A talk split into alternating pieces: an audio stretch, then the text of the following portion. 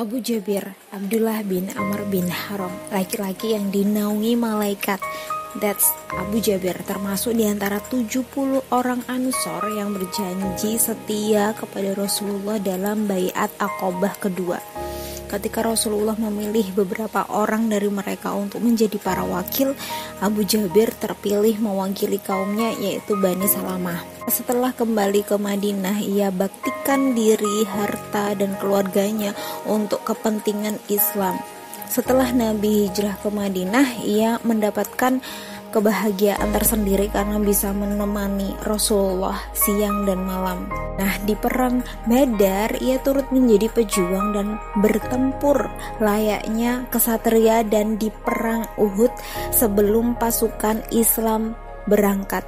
Ia melihat bahwa dirinya akan gugur dalam pertempuran ini. Ada perasaan kuat bahwa ia tidak akan kembali ke keluarganya.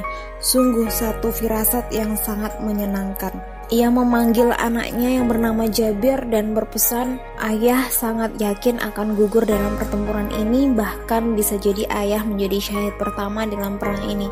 Demi Allah, setelah Rasulullah, orang yang paling ayah sayangi adalah kamu. Ayah punya utang, karena itu lunasilah dan perlakukan saudara-saudaramu dengan baik." Keesokan harinya, pasukan Islam berangkat menuju medan perang untuk menghadapi orang-orang kafir Quraisy yang datang dalam pasukan besar untuk menyerang kota Madinah yang aman dan tentram.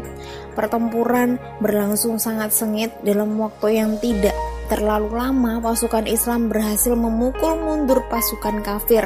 Pasukan Islam menang dan semestinya menjadi kemenangan yang sempurna.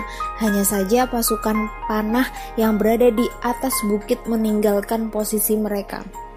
Mereka terlalu senang dengan kemenangan yang begitu cepat dan tergiur oleh harta rampasan gitu ya, yang berada di bawah bukit padahal Rasulullah sudah berpesan kepada mereka untuk tidak meninggalkan posisi mereka apa pun yang terjadi.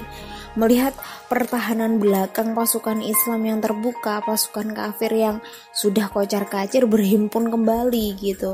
Dengan tiba-tiba mereka menyerang pasukan Islam dari arah belakang, kemudian kemenangan pun berubah menjadi kekalahan. Dalam pertempuran yang amat dahsyat ini Abdullah bertempur dengan gagah berani seakan ia ingin mengucapkan selamat tinggal karena ia akan syahid dalam pertempuran ini. Perang pun usai. Kaum muslimin mengumpulkan para suhada Jabir yang mencari jasad ayahnya menemukannya di antara para syuhada yang lain. Tubuhnya telah dicincang oleh tentara kafir seperti yang dialami oleh para syuhada yang lain Jabir dan beberapa keluarganya menangisi sang syahid Abu Jabir. Ketika Rasulullah lewat dekat mereka, beliau bersabda, Tangisilah atau sebaiknya jangan kalian tangisi karena malaikat menaunginya Abu Jabir dengan sayap-sayapnya. Masya Allah. Keimanan Abu Jabir kuat dan bersinar. Keinginannya untuk mati syahid di medan perang adalah cita-cita tertinggi. Di kemudian hari Rasulullah mengabarkan suatu berita besar yang menggambarkan keinginan yang menggebu-gebu untuk syahid. Rasulullah bersabda kepada Jabir, putranya, Jabir, Allah tidak berbicara kepada seorang pun kecuali dari balik tabir. Tetapi Allah telah berbicara dengan ayahmu secara langsung. Dia berfirman kepadanya, Hai hambaku, memohonlah pasti aku kabulkan. Ayahmu menjawab, Wahai Tuhan, aku memohon agar Engkau mengembalikan ke dunia agar aku bisa mati untuk yang kedua kalinya. Allah berfirman, firmanku sudah berlaku bahwa mereka yang mati tidak akan kembali lagi ke dunia. Ayahmu berkata, Wahai Tuhan, kalau begitu beritahukan kepada mereka yang masih hidup tentang nikmat yang engkau berikan kepada kami para syuhada.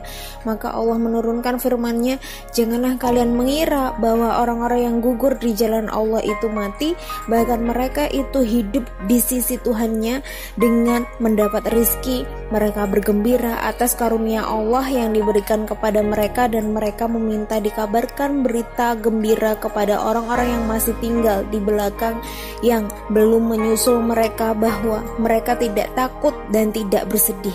Quran Surat Ali Imran ayat 169 dan 170.